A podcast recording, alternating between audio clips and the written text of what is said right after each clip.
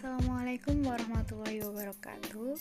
Saya Alimah Grota Ayun akan berbicara sedikit mengenai tema presentasi diri di dunia nyata versus dengan di dunia maya. Seiring dengan majunya teknologi, makin canggih pula fasilitas-fasilitas yang dapat kita gunakan Misalnya saja dalam hal jejaring sosial. Hal ini begitu dekat dan seolah sudah melekat sehingga akan sangat sulit rasanya jika kita sehari saja tanpa sosial media baik itu Instagram, Line, Twitter, dan sebagainya.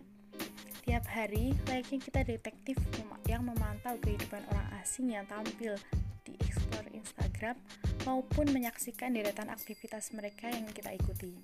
Tidak jarang kita terawa sendiri, membicarakan mata hingga marah-marah, atau bahkan merasa kesal dengan aktivitas orang yang kita tonton.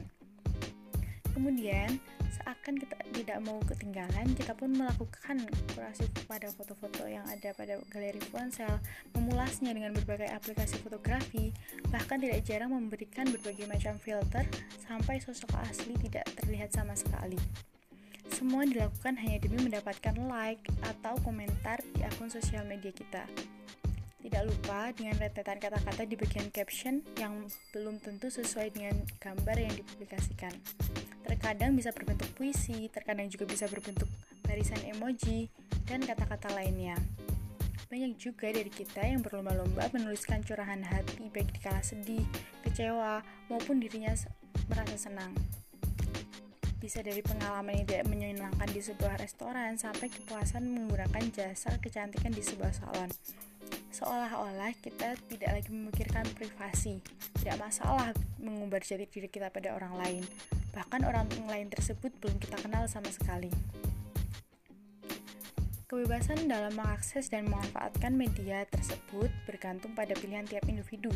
Presentasi diri seperti apa, kepribadian dan kesan diri yang akan ditampilkan juga merupakan pilihan masing-masing individu. Media sosial mampu mengaburkan batas antara aktivitas frontstage dan backstage. Melalui media sosial, individu dapat menampilkan segala hal yang baik seperti prestasi, kejujuran, cita-cita, dan lain sebagainya. Tapi di sisi lain, media sosial juga memungkinkan seorang individu untuk menampilkan hal-hal yang tidak sesuai dengan fakta dan kepribadiannya di kehidupan nyata. Sebenarnya, jika kalau ditanyakan kembali pada diri kita sendiri, semua itu untuk apa kita lakukan? Apakah kita bercita-cita menjadi seorang influencer atau sebenarnya kita ingin menjadi seorang social climber di mana kita bersusah payah untuk memperlihatkan pada orang lain bahwa kehidupan kita lebih baik. Apa tujuan sebenarnya di, balik foto-foto yang kita unggah dan kata-kata mutiara yang kita upload? Apakah kita membutuhkan pengakuan atau ekstensi diri dari mereka? Atau benar-benar sekedar iseng dan ingin mengisi waktu luang? Lalu, mengapa kita terlalu peduli dengan sebagai seberapa banyak orang yang menekan tombol like sampai-sampai kita selalu memantau hal tersebut terus secara terus-menerus. Lalu, jika memang seperti itu, mengapa bahkan kita tidak menghiraukan orang-orang yang ada di sekeliling kita? Kita justru mengabaikan mereka dan memilih memberikan komentar atau berbalas pesan dengan mereka yang ada di dunia maya. Jika kita memberikan waktu sebentar untuk meresapi pertanyaan-pertanyaan tersebut, seharusnya kita mulai menyadari betapa besar efek negatif media sosial dalam hidup kita ini.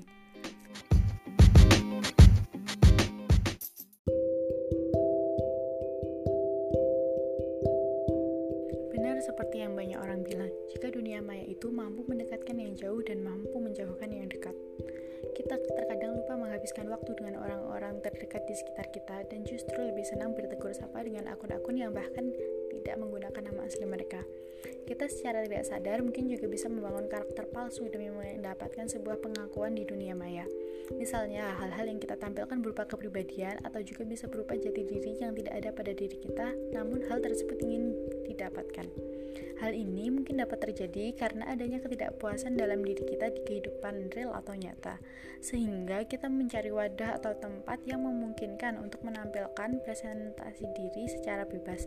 Salah satunya yaitu di dunia maya atau sosial media. Coba tanyakan kembali, apakah betul pengalaman-pengalaman tersebut merupakan kebahagiaan bagi diri kita? Pengalaman mendapatkan puluhan pesan, ratusan like, ribuan followers, apakah hal tersebut merupakan kepuasan batin bagi kita?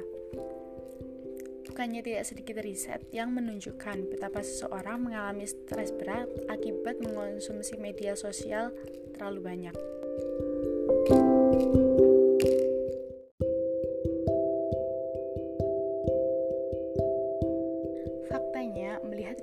Konten orang-orang dengan tujuan mendapatkan validasi dari orang lain hanya akan membuat kita mengembangkan rasa iri. Kemudian perasaan tersebut akan terus berkembang menjadi kompetisi di mana kita selalu tidak mau kalah dengan orang lain. Tentu saja hal ini tidak sehat bagi mental kita, bukan?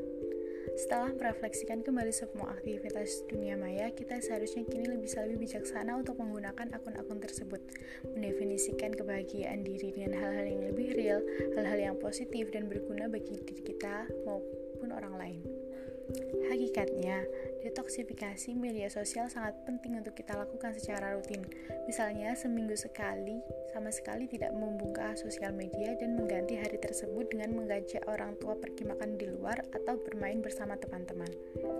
Atau juga jika ingin lebih aktif lagi secara sosial, maka jadilah sukarelawan yang bermanfaat bagi orang lain. Buatlah kebahagiaan yang konkret di dunia nyata. Selain Selain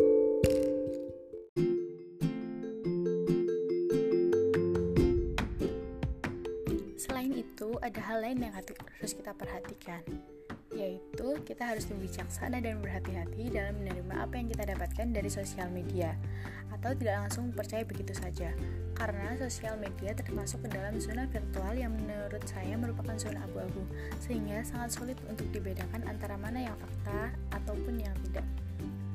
Ketika kita telah bisa mengendalikan diri kita, kemudian kita juga bisa merasakan bahagia dengan kehidupan nyata yang kita jalani bersama orang tua, keluarga, teman, tangga, dan orang-orang yang ada di sekitar kita, maka sesungguhnya kebahagiaan tersebut adalah anugerah terindah yang diberikan Allah kepada kita. Sudah seharusnya kita bersyukur dan merasa puas dengan hal yang kita miliki saat ini.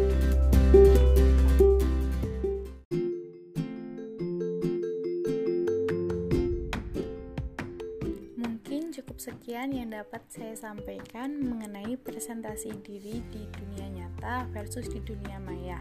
Sekian, terima kasih. Wassalamualaikum warahmatullahi wabarakatuh.